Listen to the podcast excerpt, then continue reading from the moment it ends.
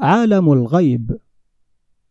أنت تصادف اليوم نوعا من الناس تجد الواحد منهم يتأبط كتابا ضخما بالإنجليزية أو الفرنسية ويبرز من فمه سيجارا ضخما. ينفث الدخان كمدخنة مصنع في لانكشاير. فإذا رفعت يدك بالتحية رد عليك باللاتينية وبلسان معوج يتكلم برطانة أوروبية.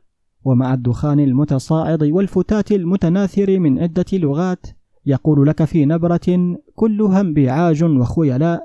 هل قرأت ما يقوله غوستاف لوفافر في الدوغما الطيقية والفكر الاستاطيقي والتدهور الرومانطيقي والانحرافات السيكوباتية في المجتمعات الثيوقراطية؟ في ملحق مجلة الميتافيزيقا إنه مقال رائع ويقلب شفتيه. ما لنا نقف هكذا وسط الطريق. دعني أدعوك على كأس في الهورس شو. تعال. سيكون حديثا ممتعا على أكواب البيرة فإذا اعتذرت له بأنك صائم حملق في دهشة كأنه يستمع إلى كلام ديناصور منقرض وفغر فاه تماما ثم قهقه بل انفجر ضاحكا وكأنما ظفر بمعتوه هارب لتوه من مستشفى المجاذيب تقول أنك صائم؟ وعاد يقهقه هذه المرة في إشفاق وهل هناك من يصوم هذه الأيام؟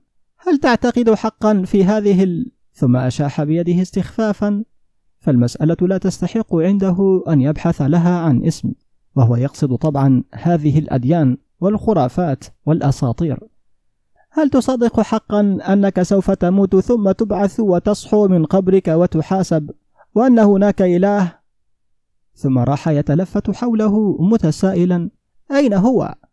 يقصد أين الله؟ وكأنه يبحث عن سائق تاكسي أتصدق هذه الغيبيات؟ أما زال هناك من يصدق هذه الغيبيات في عصر النور والعلم؟ أفق يا رجل من هذه الدروشة تعال لتكن الدعوة على كأس ويسكي لا بيرة ولتكن معها شريحة لحم خنزير رائعة ويحمل عليك حملة شعواء بجميع اللغات لدرجة تفقدك التوازن وربما الثقة بالنفس فتعود لتتعلل في خجل بأنك ممنوع من الأكل والشرب بسبب التهاب في المعدة ويسوق هو في فلسفته. يا أخي نحن في عصر العلم ولا يصح أن نستسلم لهذه الغيبيات ولا يصح أن نؤمن بشيء إلا إذا أمسكناه بحواسنا الخمس ورأيناه بالميكروسكوب وشاهدناه بالتلسكوب ورصدناه بالرادار والتقطناه بالراديو. لا يصح الإيمان بغيب. هذا أمر انتهى. الغيب أمره انتهى وهو الآن شغلة السذج. هي كلمات نسمعها الآن عادة من هؤلاء المثقفين.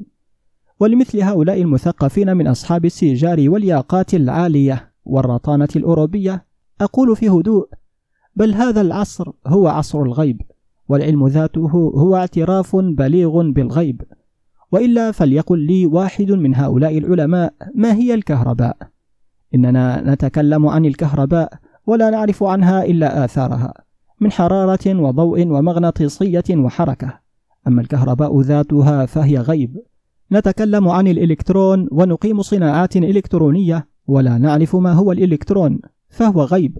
ونطلق الموجة اللاسلكية ونستقبلها ولا نعلم عن كنهها شيئا وهي بالنسبة لنا غيب. بل إن الجاذبية التي تمسك بالأرض والشمس والكواكب في أفلاكها وهي أولى البداهات هي ذروة الغيب. والعلم لا يعرف إلا كميات ومقادير وعلاقات ولكنه لا يعرف كنها ولا ماهية أي شيء.